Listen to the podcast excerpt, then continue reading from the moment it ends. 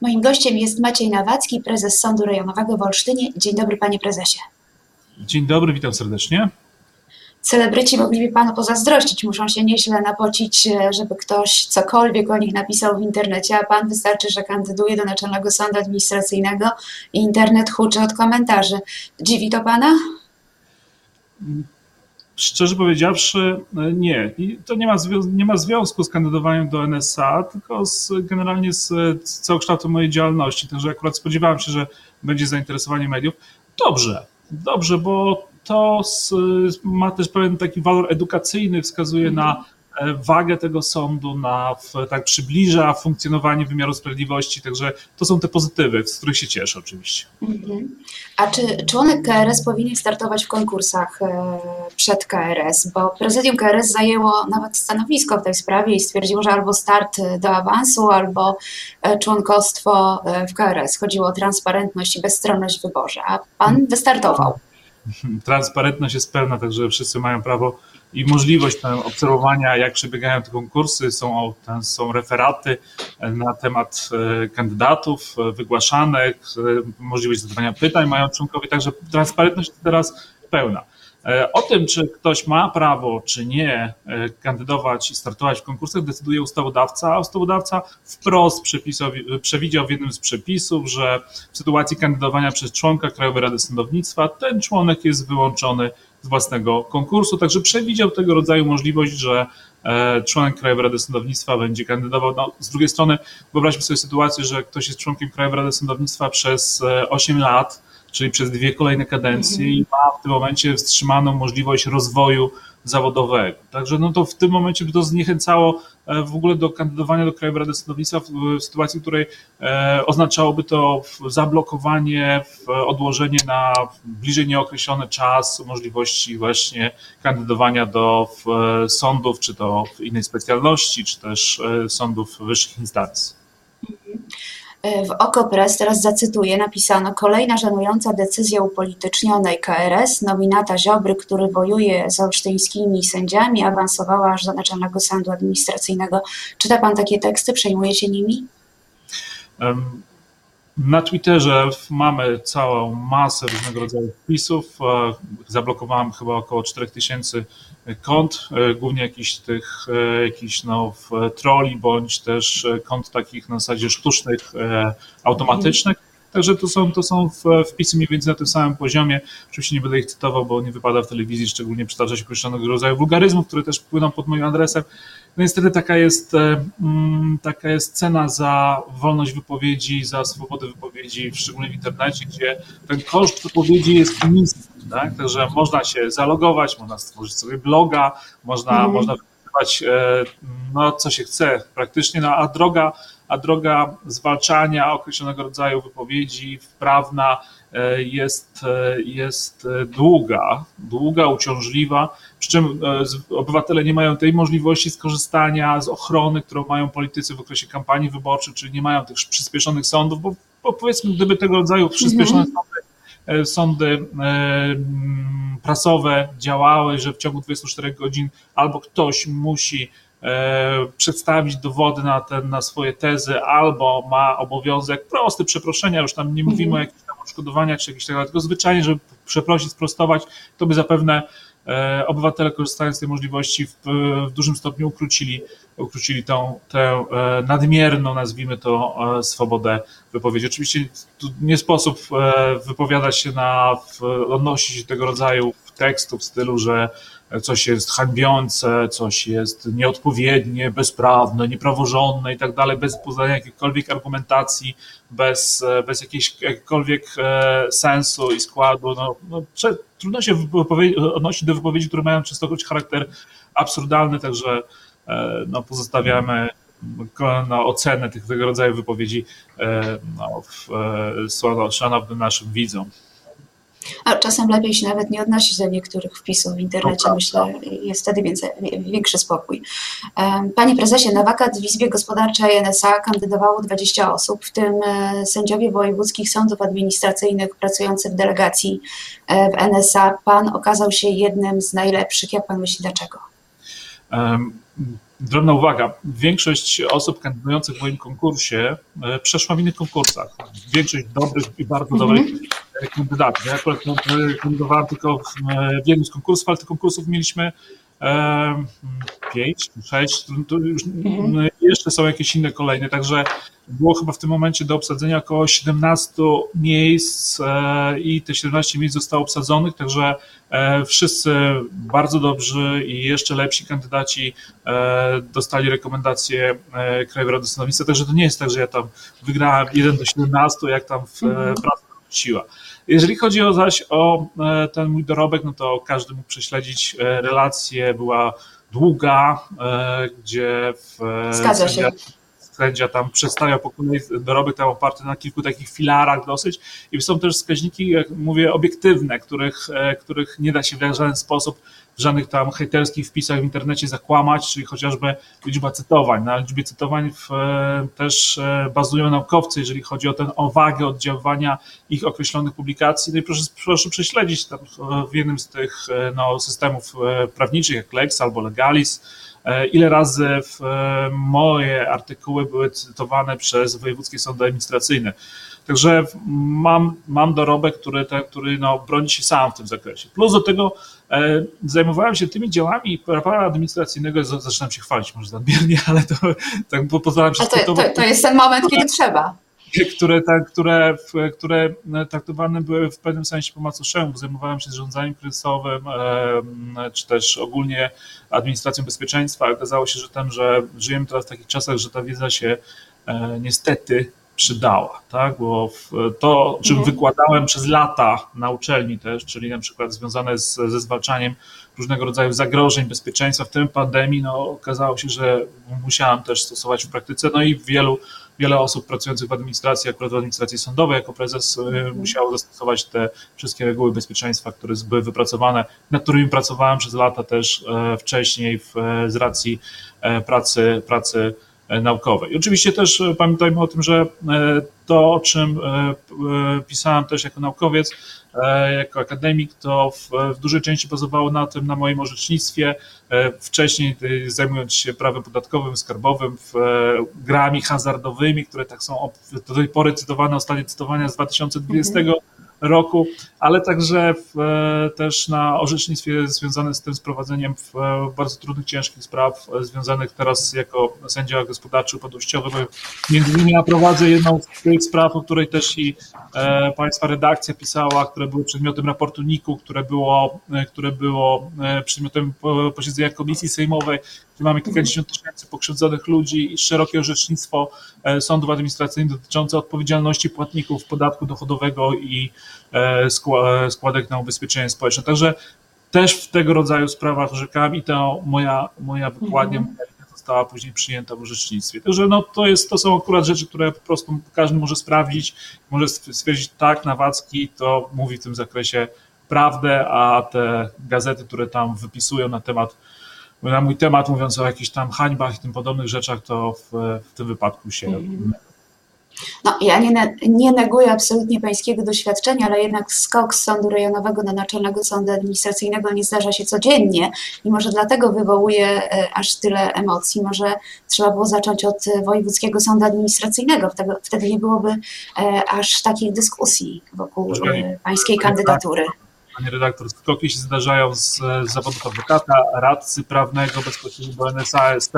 Ja już tak tytułem mogę zawsze byłam pierwszą prezes Sądu Najwyższego, która była tylko radcą prawnym, została, a została sędzią Sądu Najwyższego i później e, pierwszym prezesem. Także to nie jest nic nowego. Bierze się pod uwagę całokształt dorobków, tego, który, o którym przed chwilą mówiłem.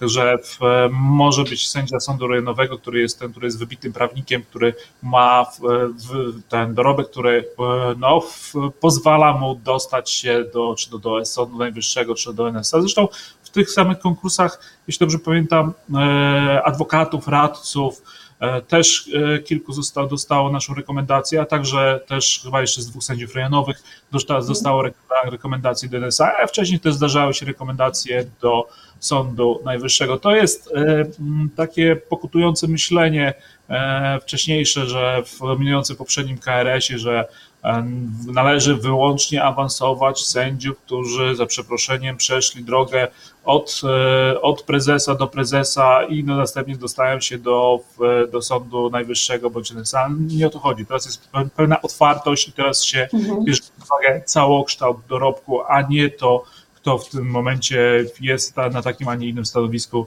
czy to w sądzie powszechnym, czy to, czy to w sądzie administracyjnym. Panie prezesie, wyobraża sobie pan taką sytuację, że wydaje pan wyrok, którego podsądny nie respektuje? E, wyobrażam sobie tego rodzaju sytuacje. Wielokrotnie wydawałem wyroki, które nie były respektowane. W tej sytuacji się przymusza do wykonania wyroku. Mamy postępowania bądź egzekucyjne, a w sytuacji spraw karnych, na przykładowo przymusowe, doprowadzenie do wykonania kary pozbawienia wolności. To jest, to jest e, rzecz powszednia, chleb powszedni sądu, że e, orzeczenia trzeba wykonywać w sposób przymusowy. To nie, nie ma w tym nic dziwnego. A czy nie wykonując wyroków dopuszczających sędziego Pawła Juszczyszyna do pracy, nie daje pan e, przykładu pod sądem, patrzcie, to tylko kartka papieru, co z tego, że z, piecie, z pieczęcią e, Rzeczpospolitej, to, to dosyć niebezpieczne. Gorzej, proszę pani. Pani redaktor, to e, jest o tyle gorsza sytuacja, że mamy do czynienia z, z, z sędziami, którzy orzekają poza zakresem swojej kompetencji, e, ignorując w tym zakresie uchwałę Sądu Najwyższego, co e, rzecznik, e, rzecznik prasowy Sądu Najwyższego pięknie podsumował. Także to jest gorszy przykład. A jeżeli chodzi o, ten, o kwestię tych właśnie orzeczeń, po pierwsze to są wyroki, to są postanowienia o zabezpieczeniu, także żadnego wyroku stwierdzającego w tym zakresie nie ma. Tak, no ciekawe, czy się jakikolwiek sąd odważy w tym momencie do tego stopnia złamać prawo. E, poza tym zapadła uchwała ostatnio e, Konstytucyjnego Organu Rzeczpospolitej Polskiej, czyli Krajowej Rady Sądownictwa, które zmierzyło się z tą sytuacją. W tej uchwale wprost jest napisane, że tam, że działanie z moje jest w pełni praworządne, a doszło do sytuacji, w której e, no, sędziowie, którzy wydają te orzeczenia, ten, co najmniej dopuścili się deliktu dyscyplinarnego, jeśli nie nawet przestępstwa ogólnego urzędniczego z 231 to można porównać do sytuacji, do sytuacji, w której sąd e, orzeka albo karę nieznaną ustawę, przykładowo sąd skazuje kogoś na chłostę, tak? Można sobie wyobrazić mm -hmm. sytuację. Jest to równie, równie absurdalne. Oczywiście, oczywiście w,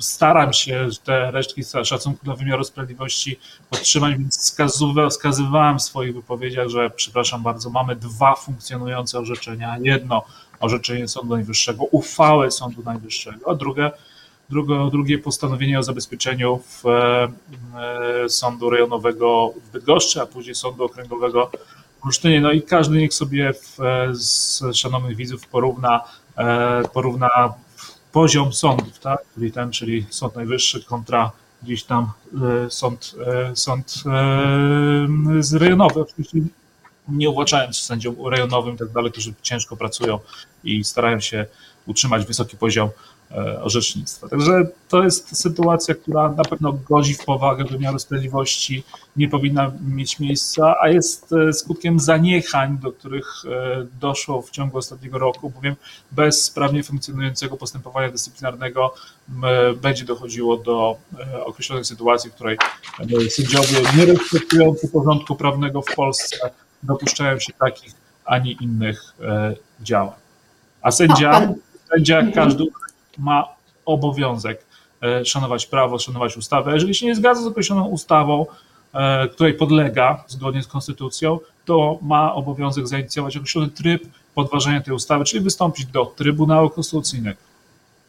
No, pan również miał postawiony zarzut dyscyplinarny za porwanie uchwał sędziów z Olsztyna w obronie praworządności sędziego Juszczyszyna ale sprawę przejął rzecznik dyscyplinarny Przemysław Radzik i ją umorzył, a nie musiało się to przecież tak skończyć. Chciałam zapytać, czy sędziemu przystoi takie zachowanie jak rwanie uchwał, to nie narusza godności sędziego?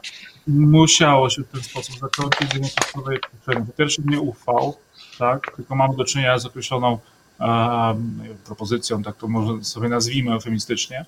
Po drugie, e, nie wolno publicznie wzywać do popełnienia przestępstwa, a popełnienie przestępstwa polega na, na niewykonaniu uchwały Izby Dyscyplinarnej Sądu Najwyższego, czyli to jest e, tak, tak samo jakby, nie wiem, no, grupa nauczycieli wzywała, wzywała dyrektora szkoły do dopuszczenia do nauczania dzieci zawieszonego nauczyciela, z tego powodu zawieszonego powiedzmy, że na przykład nie wiem, popchnął dziecko albo uderzył, albo cokolwiek innego. Nie? I jest popularnym nauczycielem i grupa wzywa ten dyrektora do tego, do tego żeby mhm. dopuścić kogoś do tego, do, do, pracy. Nie może tego zrobić, tak? bo musi przestrzegać prawa. Gdyby tego nie zrobił, to by popełnił w tym momencie przestępstwo. Także to jest, to jest analogiczna sytuacja, trzeba to zrozumieć. W takiej sytuacji e, nawoływania, szczególnie publiczne, no, jest co najmniej traktowane jak e, delikt dyscyplinarny, e, a wszelkiego rodzaju zamachy na praworządność można oczywiście we wszelkiej formie odeprzeć.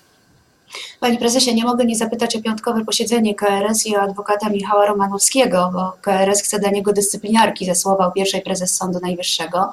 I mecenas Romanowski powiedział Rzeczpospolitej, to teraz muszę się posłużyć e, notatkami, że sędziów z KRS przeraża, że prawo w Polsce może jeszcze działać i że dlatego chcą wyeliminować go z walki o rządy prawa. Tak jest rzeczywiście? Pan zdaje się miał w tej sprawie sporo do powiedzenia. E, jeżeli chodzi o pierwszą uchwałę, nie wypowiadałem się, dotyczyła mojej osoby, także e,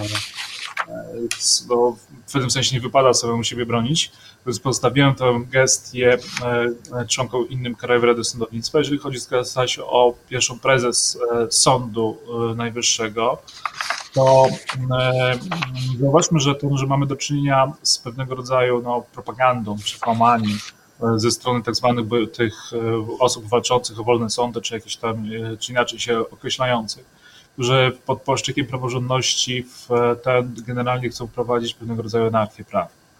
E, system prawny jest dosyć prosty, tak? Parlament Rzeczypospolitej Polskiej stanowi prawo, E, pan prezydent oczywiście wyrażając zgodę i tak dalej pozwala na jego promulgację, czyli ustaw ogłoszonej należy stosować. Tak? I wszystkie organy Rzeczypospolitej Polskiej, wszyscy urzędnicy mają bezwzględny obowiązek stosowania tego prawa i szacunku do prawa. Jeżeli nie zgadzają się z określonymi rozstrzygnięciami, jeżeli uważają, że mają do czynienia z rozstrzygnięciami niekonstytucyjnymi, występują do Trybunału Konstytucyjnego. Prosto.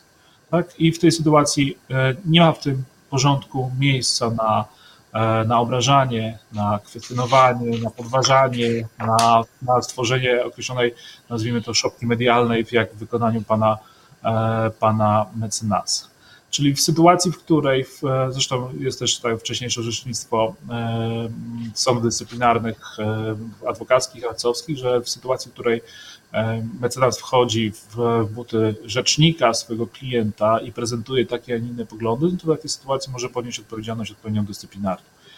I teraz, e, co nam proponuje pan mecenas? Pan mecenas proponuje nam następujące rzeczy. Tak? E, podważa wybór sędziów e, przez Krajową Radę Sądownictwa, czyli tam rekomendacje, podważa nominacje sędziowskie przez prezydenta Rzeczypospolitej Polskiej, czyli w tym momencie tych już pewnie kilkuset, może nawet tysiąc sędziów w Polsce według pana mecenasa nie jest sędziami, nie jest sędzią według pana mecenasa pierwsza prezes Sądu Najwyższego, nie jest, e, nie jest prezesem Sądu Najwyższego, nie mamy obsadzonych Izby Kontroli Nadzwyczajnej, Izby Dyscyplinarnej i połowy no, niektórych izb innych Sądu Najwyższego. Pan prezydent w sposób rażący złamał prawo. Wybory prezydenckie w tym momencie proces wyborczy się nie zakończył, albowiem nie Izba Kontroli Nadzwyczajnej, skoro nie jest sądem, nie jest, nie jest obsadzona przez sędziów, nie mogła zdecydować o, o prawidłowości przeprowadzenia wyboru prezydenta Rzeczypospolitej, więc nie mamy prezydenta Rzeczypospolitej według pana mecenasa, to jest absurd, to jest chaos, to jest anarchia no i temu się przeciwstawia między innymi Krajowa Rada Sądownictwa. Osoby, które e, w taki, a inny sposób postępują, nie postępują zgodnie z zasadami, którymi rządzą się zawody zaufania publicznego, z akcentem na zaufanie, a w takiej sytuacji powinny być w odpowiedni sposób zdyscyplinowane i do tego oczywiście będę dążył. E, mam nadzieję, że organy e, ten, samorządu adwokackiego staną na wysokości zadania i wyciągną konsekwencje względem pana mecenasa, tak żeby nie było znowu kolejnych bezkarnych świętych krów. Panie prezesie, ciężko jest być prezesem w Olsztyńskim Sądzie? Nie.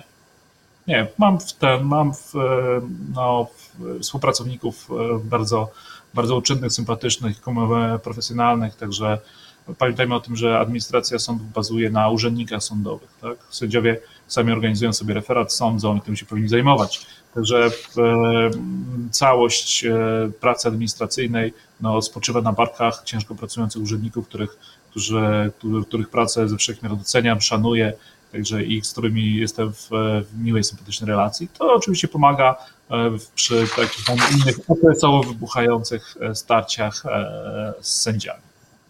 To ostatnie już zupełnie pytanie w dzisiejszej rozmowie. Jest Pan nadal aktywny na portalach społecznościowych i na Twitterze?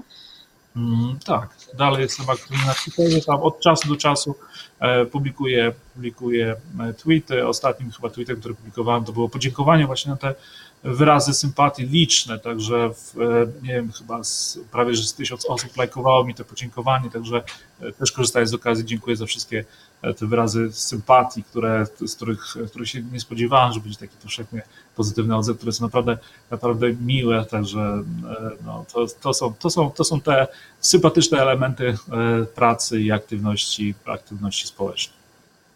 Panie prezesie, dziękuję uprzejmie za rozmowę. Moim gościem był Maciej Nawacki, prezes Sądu Rejonowego w Olsztynie. Dziękuję Państwu uprzejmie.